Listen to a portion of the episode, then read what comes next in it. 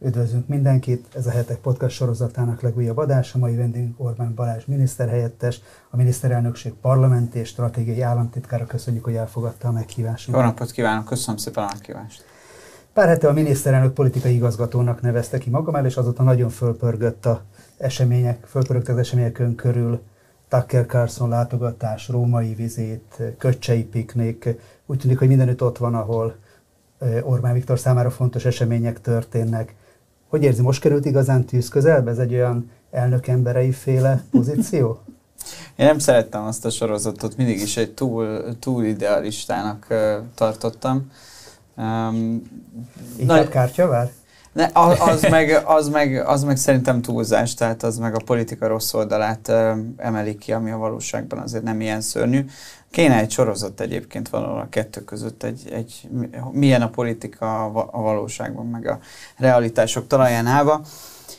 A viccet félretéve a feladatom az az, erre kért uh, miniszterelnök úr, hogy, hogy tanácsokkal segítsem az ő munkáját rövid, közép és hosszú távon, illetőleg a már nála különböző szakterületek vonatkozásában ott lévő tanácsadók munkáját próbálja meg koordinálni és, és becsatornázni. Ennek nyilvánvalóan része az is, hogy, hogy amiben, amennyiben nyilvánosság előtti programok vannak, vagy amennyiben olyan programok vannak, amiknek mondjuk van egy szellemi természetű vetülete, ott én is ott vagyok, illetőleg az felkérés arra is vonatkozott, hogy ezekkel összefüggésben kommunikáljak, ezért talán vagyok látható az elmúlt hetekben jobban. Remélem ez nem bántja a keleténél jobban a választópolgárokat. Ilyen sem. politikai igazgatói poszt eddig nem volt Magyarországon. Miért pont most, és miért pont ön? Hát erről a miniszterelnök urat kellene megkérdezni. Nem volt, nem, volt, nem volt ilyen pozíció. A Nagy-Britanniában például van, ott, ott Boris Johnson miniszterelnöknek a volt londoni alpolgármestere, az úgynevezett Policy Unitnak a vezetője, aki ugyanezzel az elnevezéssel dolgozik. Szerintem a, a, az elképzelés mögötte az elég egyértelmű, hogy, hogy legyen a miniszterelnöki csapatban egy olyan ember, aki tartalmi kérdésekkel foglalkozik, azokkal kapcsolatban koordinálja a bejövő anyagokat. Valóban mi nem nagyon szeretünk olyat, olyan pozíciókat létrehozni, aminek a magyar közjogi hagyománya nincs meg, meg ugye nehezen is viszonyulnak hozzá az állampolgárok, meg maga a politikai rendszer is az olyan típusú pozíciókhoz, amit nehéz elmondani, hogy miről van szó, de azt hiszem, hogy ezen, ezen hamar túl fogunk lendülni. Köcsén volt egy debütálása önnek, hogy tartott is egy sajtótájékoztatót, szinte egy az egybe Orbán Viktor delegálta önt, de akkor innen adódik is egy kicsit a kérdésem, hogy pont a köcsei találkozó napján volt, hogy váratlanul megjelent egy logó Orbán Viktornak az oldalán, ezt ön találta ki, vagy mi volt ennek a, a célja ennek a logónak? Hogyha követik a miniszterelnök úr Facebook oldalát, akkor jól látszik, hogy egy egy kommunikációs kampány, meg egy új arculat indult el a miniszterelnök közösségi média felületein, annak volt ez egy kezdő pontja, ami nyilvánvalóan egybeesett a politikai szezon kezdettel, ami meg hagyományosan kötse. De mi a cél? Ez véletlen. De mi a cél? De hogy most van egy ilyen személyes brand. Hát az, a választás az csak a miniszterelnök személyéről szóljon? Szerintem, szerintem az alapvetően, ö, alapvetően az a felismerés, hogy ö, ugye a politikai kommunikáció a jelentős része az az online térbe tolódott át. A közösségi média nagyon hangsúlyos szerepet foglal el. Ugye a járvány erre csak ráerősített, tehát azt látjuk, hogy, hogy mi korábban mondjuk Magyarország esetében a hagyományos média felületek, például a televízió a járvány előtt fontosabb szerepet játszott, mint az internet, és aztán azon belül is a közösségi média. Ez a járvány hatására megváltozott, így teljesen természetes szerintem minden politikai szereplő részéről, hogy erre a típusú kommunikációra nagy hangsúlyt fektet. Uh-huh. Néhány napja Ferenc Páp adott egy interjút a spanyol rádiónak. A riporter azt kérdezte tőle, hogy ha Budapesten akkor mit fog mondani Orbán Viktor miniszterelnökre, és tehát némi meglepetésre a, a pápa azt válaszolta, hogy nem tudja biztosan, hogy fog-e találkozni a miniszterelnökkel. Ön hogy tudja, lesz találkozó kettőjük között? Lesz találkozó, az előkészítő tárgyalások azok zajlanak. És mire számítanak? Hát arra számítunk, hogy a Szent Atya jön és eligazít bennünket a világ dolgairól. Nekem az a hatalmas megtiszteltetésben volt részem, hogy két héttel ezelőtt Rómába tudtam vele találkozni, és ott is nagyon komoly kérdéseket feszegetett a, a technológiai fejlődés hatása az emberi méltóságra, a gyermekvédelem kérdései és kihívásai. Tehát a Szent Atya, én úgy látom, hogy nagyon tájékozott a világ dolgában. Én amúgy katolikus vagyok, tehát én semmi más nem mondhatok, csak hogy megjövünk, és meghallgatjuk a Szent Atyát, és annak szellemében járunk el, amit ő fog mondani. Kritikára nem számítanak? Hát, én, én, én azt gondolom, hogy ez egy, ez egy magasabb abstrakciós szintű, spirituális típusú találkozás lesz, és ez nagyon jól van így.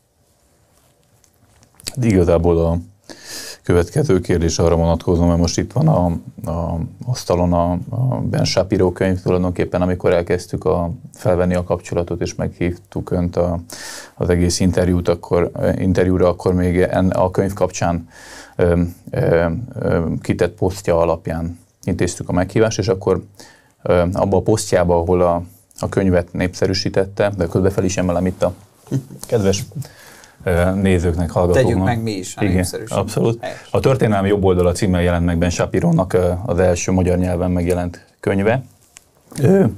Mint a posztjában azt mondta volna, hogy amiben Ben Shapiro népszerű vagy kiemelkedik a, még az amerikai közéletben is, hogy tudnak csinálni konzervatív arcok, influencerek egyfajta sót, hogy ráéreznek a, a modern kommunikációs formákra, és egy populárissá tudják tenni azokat a politikai témákat is, amik lassan unalomba tudnak fulladni. Picit, nem tudom, hogy lehet-e ilyet kérni, de hogy, hogyha e, kipróbálnánk egy ilyen picit show jellegűbb e, pár kérdést, e, és én volnék akkor Ben Shapiro ebbe az összefüggésbe, talán fel tudok nőni hozzá. Kapaszkodom.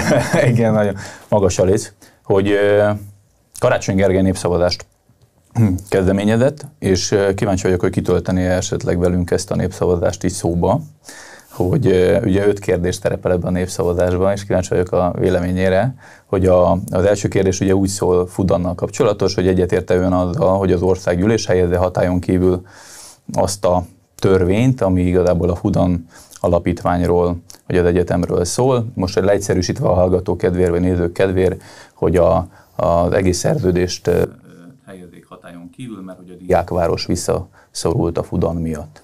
Ha szabad egy előzetes megjegyzést, én mélyen hiszek a népszavazás intézményében, mert, mert ez egy olyan közvetlen demokratikus forma, ami egyre inkább kezd kiszorulni a, a nyugati világban, és nem véletlen, hogy a, egyébként a baloldali politikusok nagy része óckodik ettől a formátumtól, úgyhogy általában a népszavazási kezdeményezéseket komolyan kell venni. Ez most Karácsony Gergely esetében nincs így, mert mert ez egy elterelő hadművelet, egy bluff, nem lesz ezekben a kérdésekben népszavazás. Az egyetlen kivétel az a Fudán, ahol pedig a kormány maga is mondta, hogy a választások után, amikor már az erőkészítő tárgyalások lezajlanak, akkor kész lesz bocsátani ezt a kérdést. Egyszerűen már a jogszabályok alapján nem fér bele időben. Ilyen mm-hmm. egyszerű. Tehát ez egy, ez egy politikai kommunikációs trükk, ami arról szól, hogy rosszul áll az előválasztási kampány, el szeretné terelni a figyelmet a, a botladozásokról, a, a, a bántó és durva hibákról, a fővárosi tömegközlekedés, meg általában a közlekedés összeomlásáról, és, és van ez a formátum. De mondom, a Fudán ügyében mi is támogatjuk a népszavazást. Én nem, tá- tehát hogy mondjam, én ha így teszi fel a kérdést, akkor az én válaszom az lenne, hogy nem. Tehát szerintem szükség van ö, ö, erre az egyetemre. Egyébként nem csak kínai top egyetemre lenne szükség Magyarországon, hanem akár nyugati országból érkező top egyetemre is szükség van Magyarországon, és amire még inkább szükség van Magyarországon, amelyik irányba elindultunk a hazai egyetemek megerősítése. Az elmúlt másfél év minden politikai konfliktus mellett arról szól, hogy óriási vagyont kapnak az egyetemek, és teljes mértékben szakítottunk a 2008-2009-es válságkezelési gyakorlattal, ami arról szólt, hogy ha válság van, akkor ki kell vonni a forrásokat a, a, az oktatásból, kultúrából, az olyan területekből, amik a válságkezeléshez közvetlenül nem kapcsolódnak. Ezt rengetegen megsínlették 2008-2009-ben, most pedig egy, egy olyan válságkezelést vittünk véghez, nem tudjuk, hogy jól csináltuk-e, de mi ebben hiszünk, hogy hogyha válság van, akkor több pénzt kell rakni a kultúrába, több pénzt kell rakni az oktatásba, több pénzt kell rakni az egészségügyben, mert egyébként mi végre vagyunk a világon. És az egyetemek megerősítése, az pedig arról szól, hogy, hogy ha egy következő válságok lesznek, akkor se lehessen kivonni a pénzt a felsőoktatásból. Nekem van egy saját számításom, ez persze kb.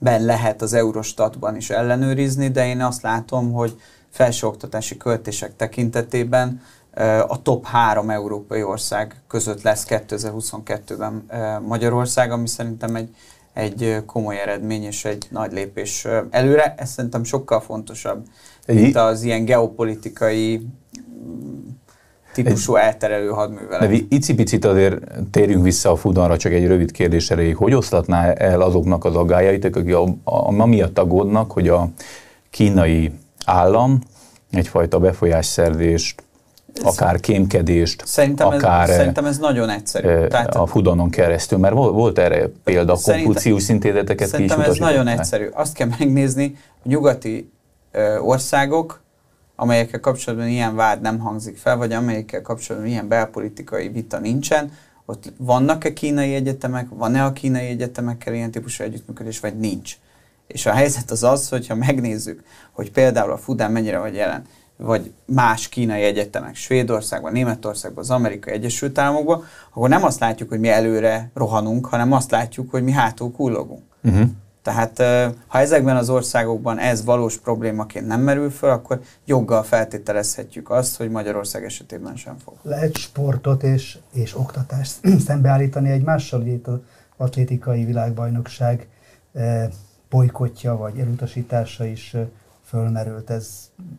Hát ez is az elterelő hadművelet része. Tehát, hogy ez egy, ez egy, ez egy bluff tulajdonképpen, ami, Eh, ami zajlik a fővárosnak ebben a dologban nincs szerepe. Én szomorúnak tartom azt, hogy, hogy, eh, hogy, hogy, hogy pont az oktatás, tehát hogy pont a legfontosabb kérdés, oktatás, kultúra, sport, eh, aminek van egy nemzetközi brand része is nyilvánvalóan, tehát ez egy országimás kérdés is. Ezek azok, amiket a főpolgármester úr és a, progresszív liberális csapata úgy gondolja, hogy ezeket föl lehet áldozni, meg ezeket át lehet politizálni, mert akkor legalább sikerül elterelni a figyelmet azokra a botladozásokra, amiket ők végeznek. Szerintem ez nem jó, mert pont ezeknek a, ha valami ügyekben meg lehet találni, vagy meg lehetne találni a legkisebb közös többszöröst, akkor ezek azok az ügyek.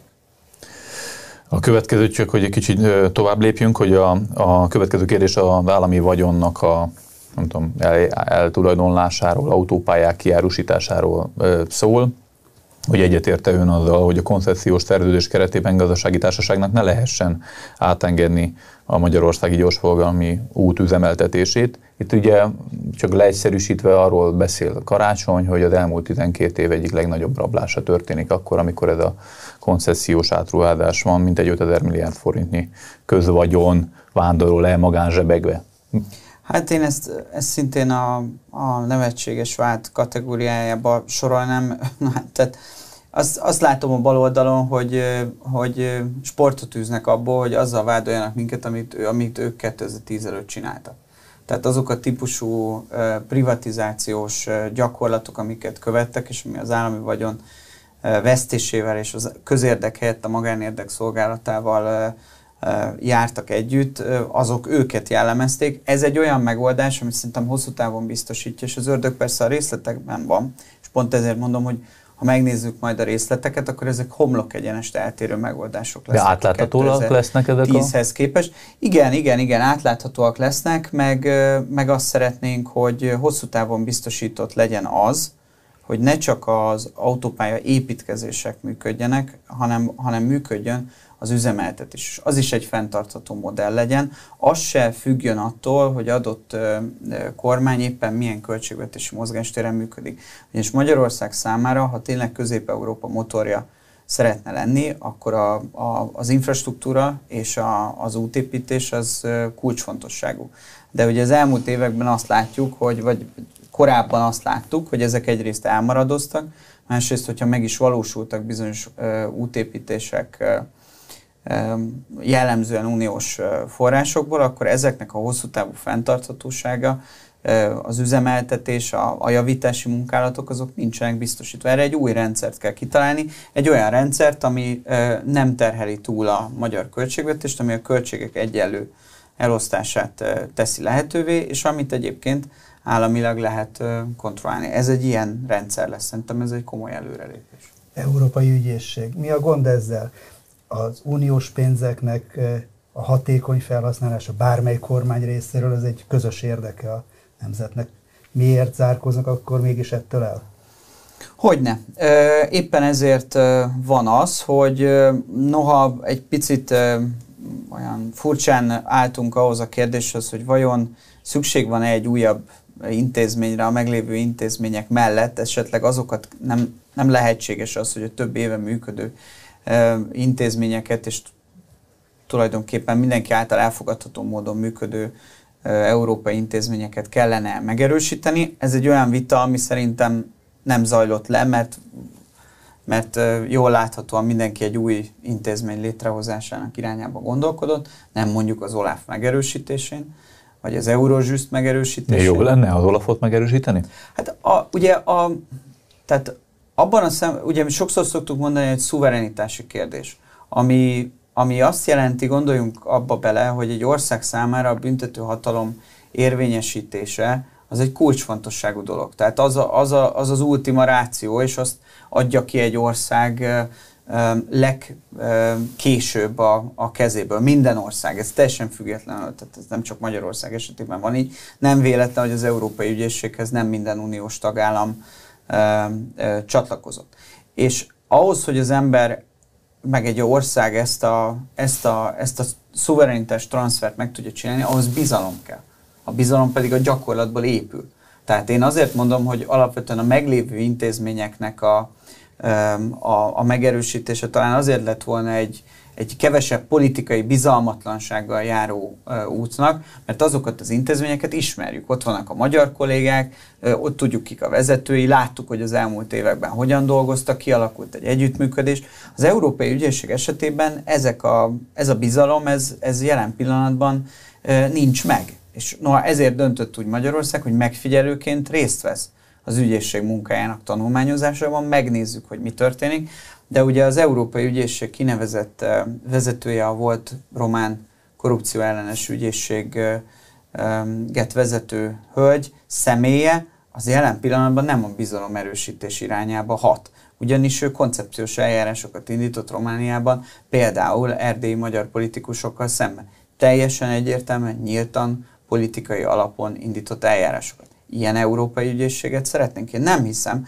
Jelen pillanatban az Európai Uniót éppen azt feszíti, hogy a tagállamok közötti bizalmi szint az csökken. És az Európai Unió az csak akkor fog működni, hogyha a tagállamok megbíznak egymásban.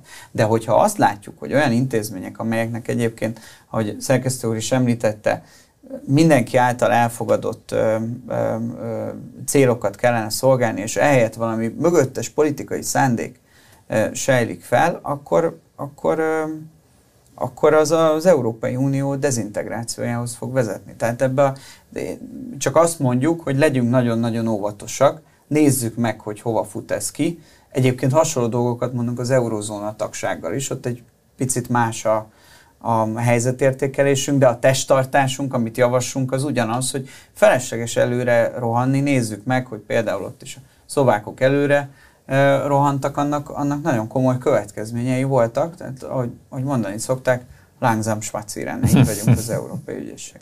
Következő kérdés, kínai vakcina. Itt a 60 év felettiekre vonatkozik a kérdés, hogy az időseknél bizonyos mérések szerint a kínai vakcina nem váltott ki akkor a védettsége, mint ahogy azt várták, vagy jelentették, vagy közölték a statisztikát, és hogy ingyenesen biztosítani kellene méréseket, hogy mennyire védett egy idős ember, vagy sem. Ugye itt van a kínai oltásokkal szemben azért egy ilyen én szkepszis. Kife- én, ez, ez a dolog pedig kifejezetten szomorúsággal tölt el, tehát hogy hogy, hogy és, és ezt a magyar politika mélypontjának tartom, mert, mert azt gondoltam, hogy ha van olyan téma, ami nem politikai kérdésként fog felmerülni a magyar közéletben, hanem, azon, hanem azon átnyúló nemzeti érdekként, amivel kapcsolatban vita nem lesz, akkor az az oltások ügye.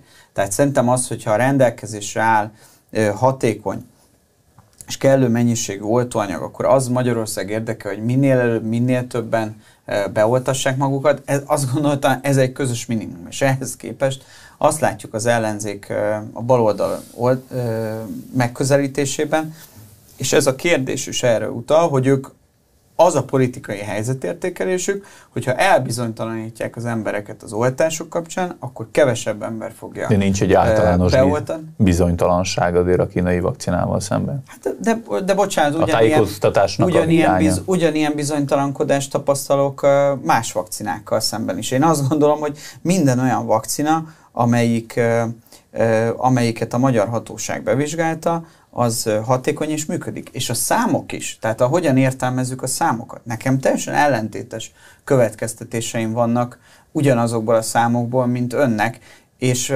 és, és, a, és a virológus, illetőleg az orvos társadalom is ezeket a következtetéseket, amiket én vonok le belőle, inkább azt erősíti, nem azt, amit Karácsony Gergely mond. Uh-huh. Az, hogy minden vakcina ö, ö, működőképes, minden vakcina radikálisan csökkenti a megbetegedés esélyét, és ha meg is betegszik valaki, akkor az, hogy a betegség súlyos lefolyású lesz, vagy ne adj Isten halálhoz vezet, annak az valószínűségét is radikálisan csökkenti. Ez az orvostudománynak a, a, a konszenzusa. Az pedig, hogy az egyes vakcinák között milyen eltérések vannak, ott bizonyos, bizonyos tekintetben az jön ki, hogy egyes keleti vakcinák jobbak, bizonyos tekintetben abban, hogy nyugati vakcinák, de, de nem ez a lényeg, hanem az a lényeg, hogy, hogy, hogy az oltás az életet ment, és az oltás működik, és ennek köszönhető, hogy Magyarország működik. És szomorú, hogy ennek ellenére folyamatosak a, az oltással kapcsolatos elbizonytalanító hangok a bal oldalon. Egyébként augusztus 1-től, ha jól mondom a dátumot, Magyarország tulajdonképpen Európában először a vakcina bőség következtében biztosítja mindenki számára a harmadik oltás beadásának lehetőségét. Keleti vakcinák is rendelkezésre állnak, nyugati vakcinák is rendelkezésre állnak, több, most lehet, hogy ezt nem ellenőriztem le, de nem tudom, hogy van, van Sőt, azt gondolom, hogy nincs olyan ország a világon, ahol ennyiféle vakcina állna rendelkezésre, mindenki szabadon eldönti, akiben bármiféle e, kétség merül föl, az adasson be magának egy, egy, egy másik típusú e, vakcinát, és akkor ez a kérdés teljesen okafogyottá válik. Úgy kipipáljuk a főpolgármester népszavazási kezdeményezésének Többet foglalkozunk vele, mint Igen. a nemzeti választási bizottság.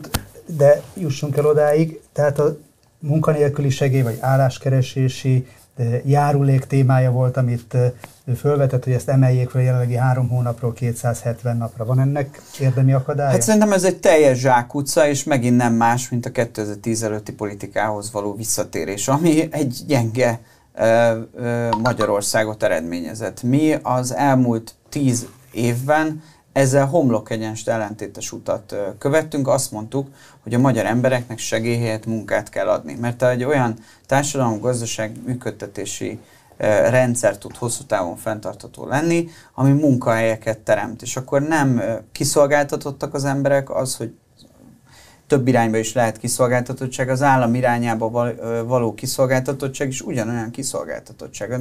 Miért szeretnénk ilyen kiszolgáltatott embereket?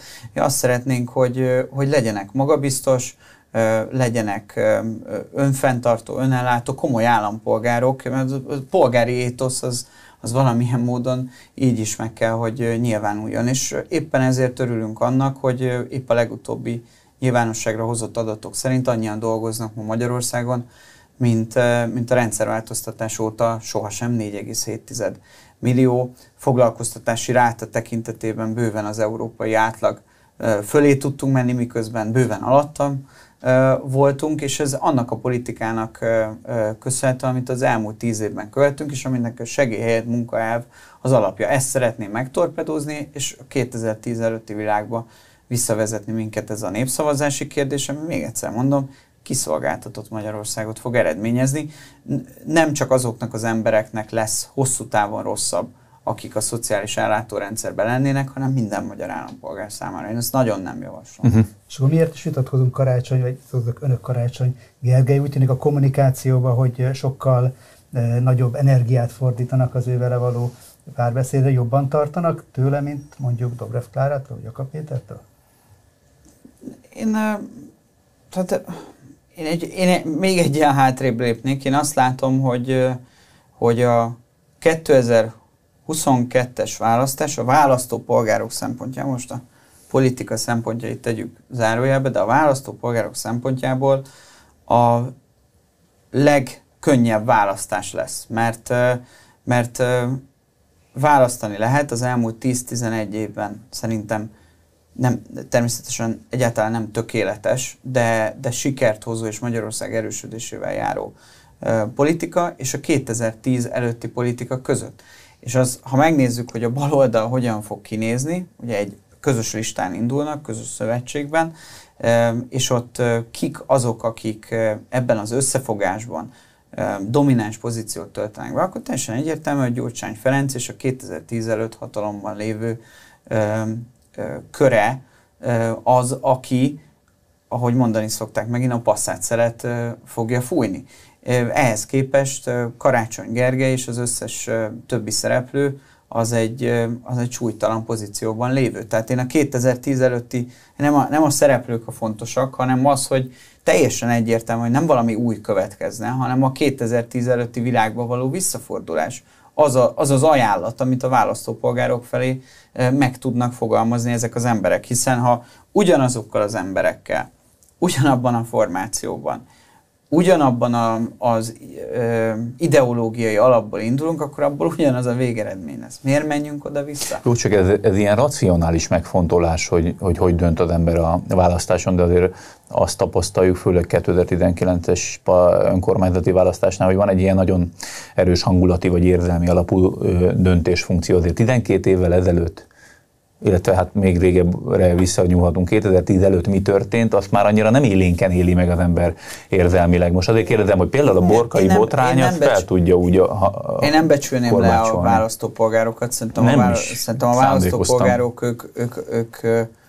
pontosan tisztában vannak azzal, hogy a döntéseiknek milyen következménye van, és nagyon felelősségteljesen tudnak viselkedni, de hát most erre mit tudok mondani, mi sem most jöttünk a falvédőről, tehát kampányolni fogunk, komoly, komoly mm-hmm. küzdelem lesz. Én csak azt mondom, hogy ez egy, ez, ez most egy olyan választás lesz, ahol, ahol nem, tehát nem, nem, nem lehet elrejteni a, a valóságot, és az a báb, bábjáték, ami zajlik előválasztás címszóval a, a szemünk előtt, az, az ne tévesszen meg senkit, és nem is fog megtéveszteni senkit, mert amikor ez lezárul, és ráfordulunk a választásokra, akkor teljesen egyértelműen itt lesz az egyik csapat, itt lesz az egyik ajánlat, itt lesz az egyik teljesítmény, itt lesz a másik csapat, másik ajánlat, másik teljesítmény is közül. Jó, de közben azért van egy ilyen szivárvány koalíció jellege ennek az egész ellenzéki tömörülésnek, tehát hát hiába, hiába szükítjük le nem, Gyurcsányra nem, személyére az egészet, hogyha egy jobbik szavazó is érzi a, én ott a, a, én ott és egy Momentum szavazó is. Én ott ülök a, a, a parlamentben, minden héten hallom, ugye, hogy jelen pillanatban még külön frakciókban vannak, tehát hogy mindenkinek van lehetősége napi rend előtti felszólalásra. Érdemes egyszer meghallgatni ezeket a felszólalásokat, ezekben érdemben nincs különbség.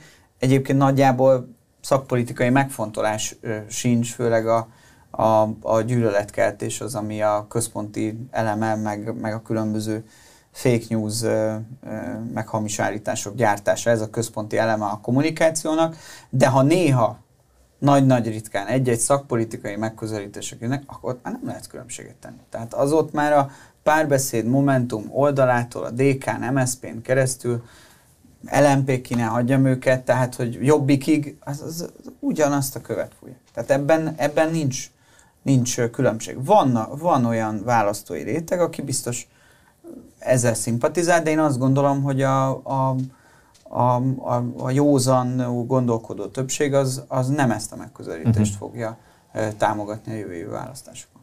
Az előbb úgy fogalmazott, hogy a 2022-es választás a legkönnyebb választás, ezt a választók szempontjából.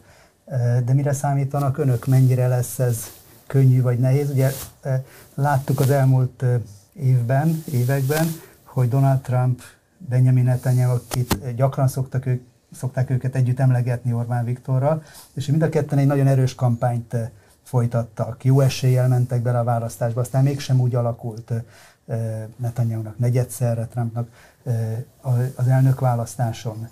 Mm, hol látnak Ebből a szempontból igaza van önnek, hogy nehéz választásra számítunk. Ugye a, a nemzetközi környezet maga is, is megváltozott, és valóban így van, hogy kevésbé kedvező jobboldali politika számára, mint, mint mondjuk volt 2018-ban, de azért addig még, még német és francia választások is lesznek, tehát majd nézzük, számít bármi nézzük meg, hogy a térkép... Sikerre?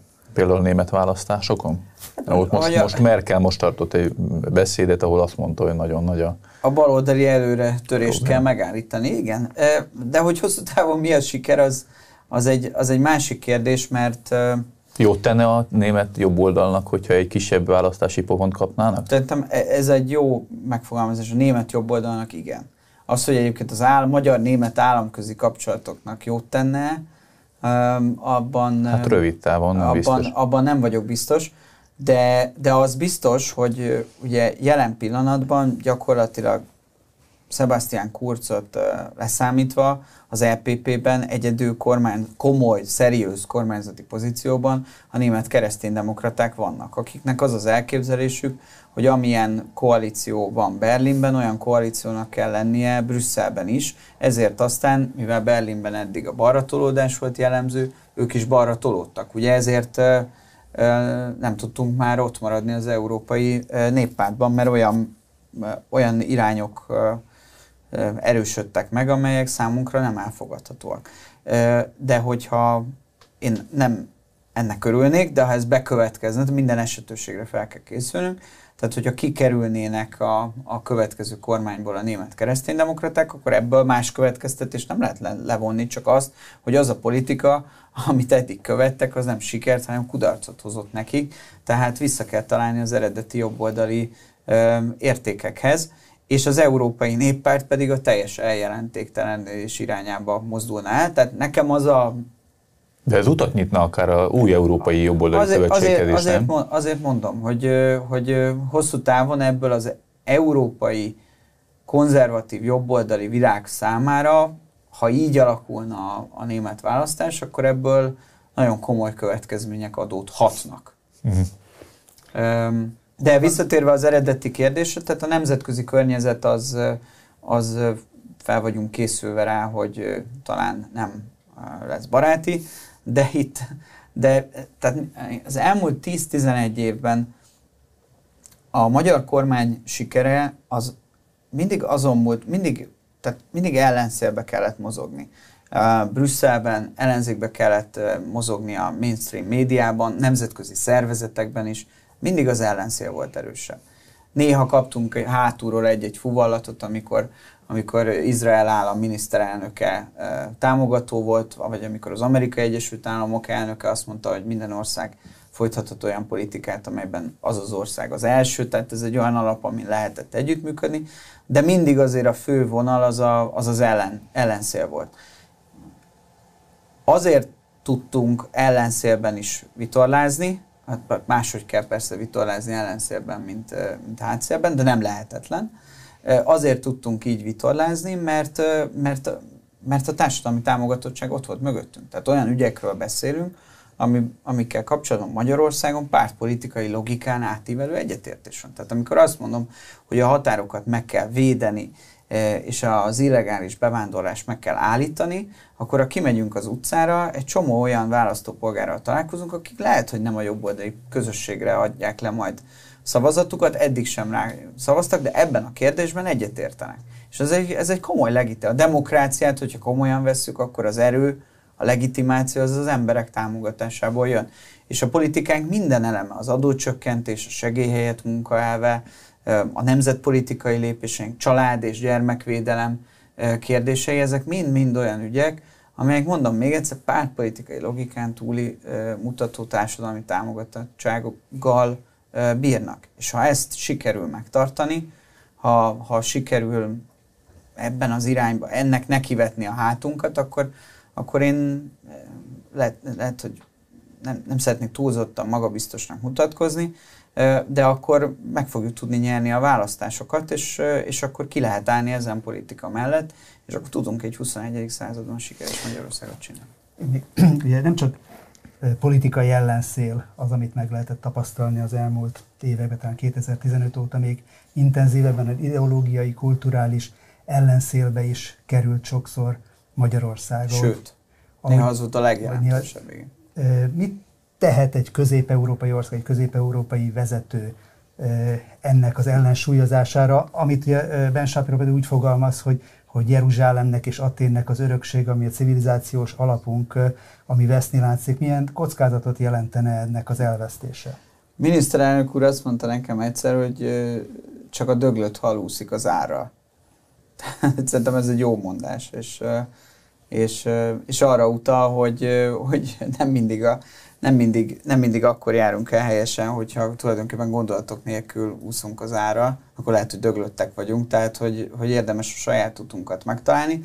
Nekem a helyzetértékelésem az, az, az körülbelül úgy néz ki, hogy a nyugati civilizáció az komoly-komoly kihívásokkal küzd. Nem akarok Oswald Spengleri magasságokba menni, tehát hogy nagyokat mondjak a nyugati civilizáció hanyatlásáról, ez nem az én dolgom, ez, a, ez az elemzőknek a dolga, többek között Ben Shapironak, de, de egy biztos, hogy, hogy, és azt hiszem, hogy ebben konszenzus van, hogy a nyugat jelen pillanatban nem prosperál. Szóval hogy stagnál, vagy, vagy lejtmenetben van, de a geopolitikai súlya az nem növekszik a világban, hanem ö, csökken. Más civilizációk emelkednek fel, úgy látszik, hogy a hegemon világrend megbomlik, az, hogy, az, hogy bipoláris vagy multipoláris világrend alakul, ezt, ezt nem tudjuk, de egy, de egy bizonytalan korba érkeztünk. Na most ebben szerintem, mint diagnózis egyetért a nyugat-európai országokban lévő baloldal és jobboldal is, és Magyarországon is a baloldal és a jobboldal um, is tulajdonképpen oszt, osztja ezt a diagnózist. A különbség az a terápiás javaslatban van a progresszív, liberális baloldal egész nyugati civilizációban minden országban azt mondja, hogy, hogy azért vagyunk lejtmenetben, mert még mindig ragaszkodunk a, a, a régi dolgokhoz, ragaszkodunk a, a nemzethez, ragaszkodunk a családhoz, ragaszkodunk az Istenhez, ragaszkodunk azokhoz az anakronisztikus megközelítési módokhoz, amelyek egyszerűen a 21. század körülményei között már nem működő képesek. Tehát lehet, hogy a 18. században ez sikert eredményezett, de a 21. században ez nem oko, ez, ez kudarcot fog okozni. Ezért az ő ajánlatuk a választópolgároknak, hogy módszeresen, szisztematikusan ezeket bontsuk le, gyengítsük meg. A nemzetet, az egyházat, családot, közösségeket, értelmezzük újra ezeket a fogalmakat, csináljunk egy, egy teljesen más emberképet, csináljunk egy új társadalmi-gazdasági rendszer, de ebben benne van a kapitalizmus lebontására, vagy piacgazdaság lebontására vonatkozó javaslatuk is.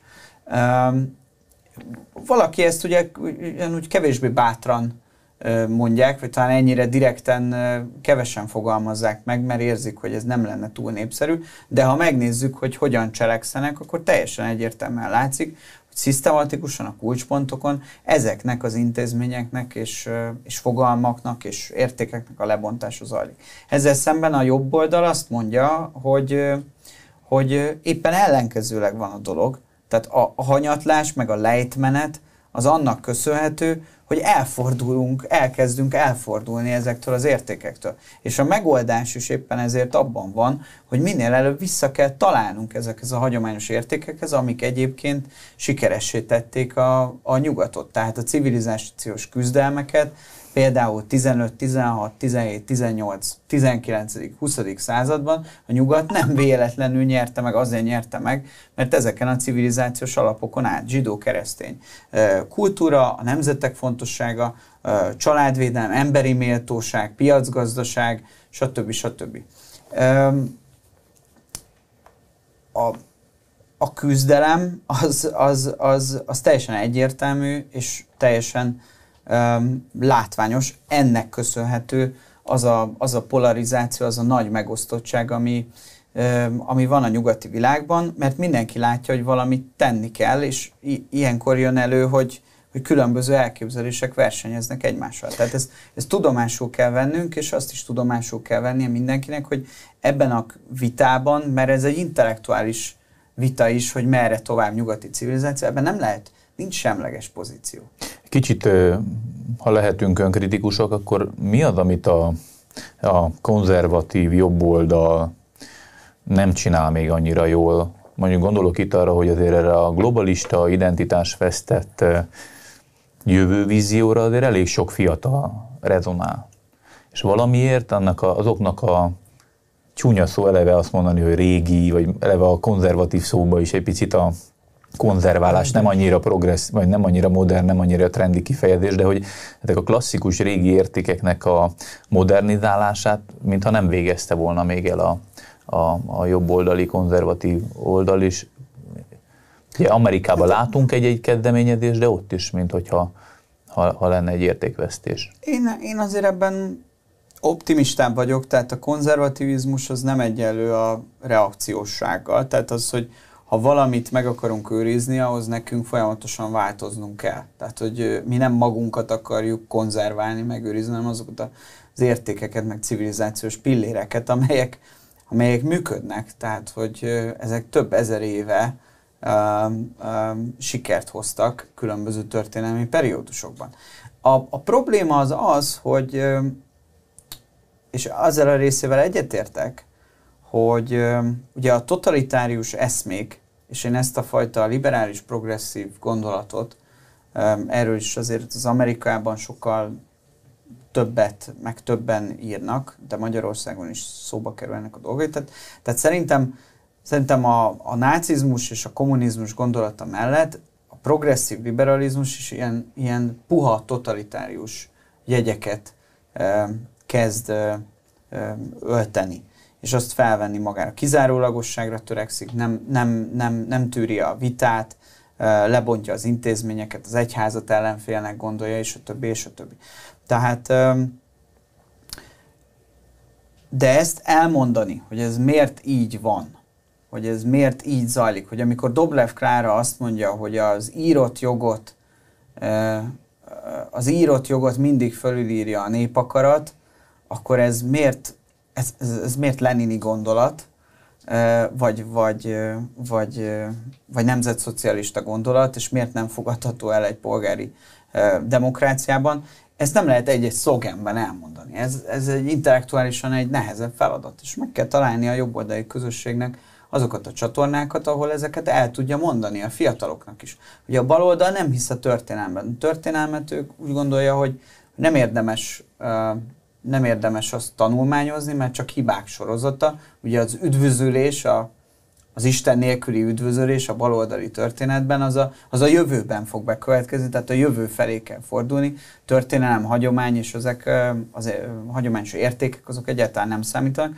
A jobb oldal másképpen gondolja. Mi azt gondoljuk, hogy érdemes a történelem felé fordulni, és az nem csak egy lezárt korszakként arra kell arra tekinteni, hanem onnan a tanulságokat, tapasztalatokat el kell hozni a jelenbe is, meg a jövőbe is. Azokat a hibákat, amelyeket elkövettek elődeink bizonyos, bizonyos helyzetekben, azokat nem szabad megismételni, azokból tanulni kell. Teljesen más a történelem szemlélet. Én azt csak azért hoztam ezeket a példákat, mert azt látom, hogy, hogy nem, tehát nem könnyű az alappozíció. Lehet, hogy a, a, az igazságot elmagyarázni az, az nehezebb, és képviselni nehezebb, mint egy jól hangzó szolgált. Éppen ezért kérdezek rá, hogy a kommunikációs formának a megtalálása olyan mennyire hatékony, mert szerintem sok fiatal érezheti úgy, még hogyha konzervatív családba is nevelkedik föl, és az alapértékeket megtanít, megtanulja a szüleitől, ettől függetlenül, mintha nem lenne megszólítva, nem lenne olyan jövőkép adva,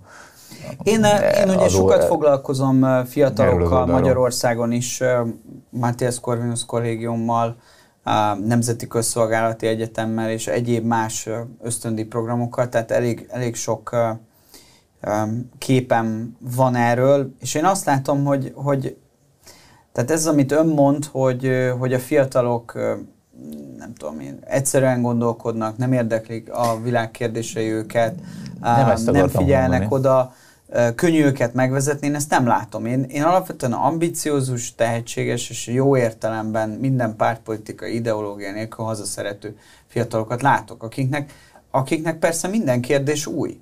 Tehát ha abba bele kell rakni az energiát, hogy, hogy el kell mondani ezeket a kérdéseket, és el kell mondani a dilemmákat, és el kell mondani a megoldási javaslatokat. Tehát ez, ez egy energiaigényes dolog.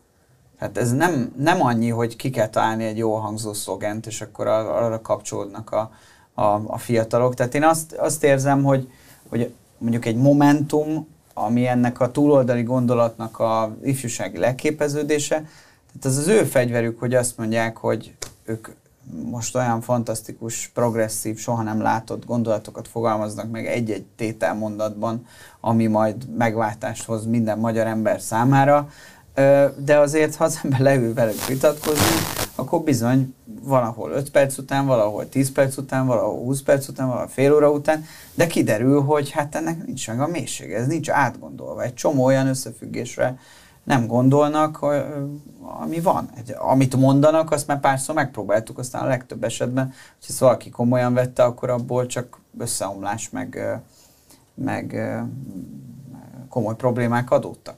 Ezek, ezekbe bele kell tenni az energiát, más módokon. Ez nem óriás plakát kommunikáció, hanem, hanem ez, ez, ez oktat, a szó nemes értelmében vett oktatás és nevelés. A gond az az, hogy a nyugati világban nincsenek meg ezek az intézmények. Mi itt azon dolgozunk Magyarországon, hogy meglegyenek ezek az intézmények, ahol ezek a típusú viták, ö, ö, oktatási, nevelési feladatok normális módon és szabadon elvégezhetőek. Reméljük, hogy valamit sikerült az elmúlt három órában ebből a lemaradásból ledolgozni. Nagyon köszönjük a lehetőséget a beszélgetésre, köszönjük, hogy itt volt nálunk. Köszönöm szépen én is a kívást.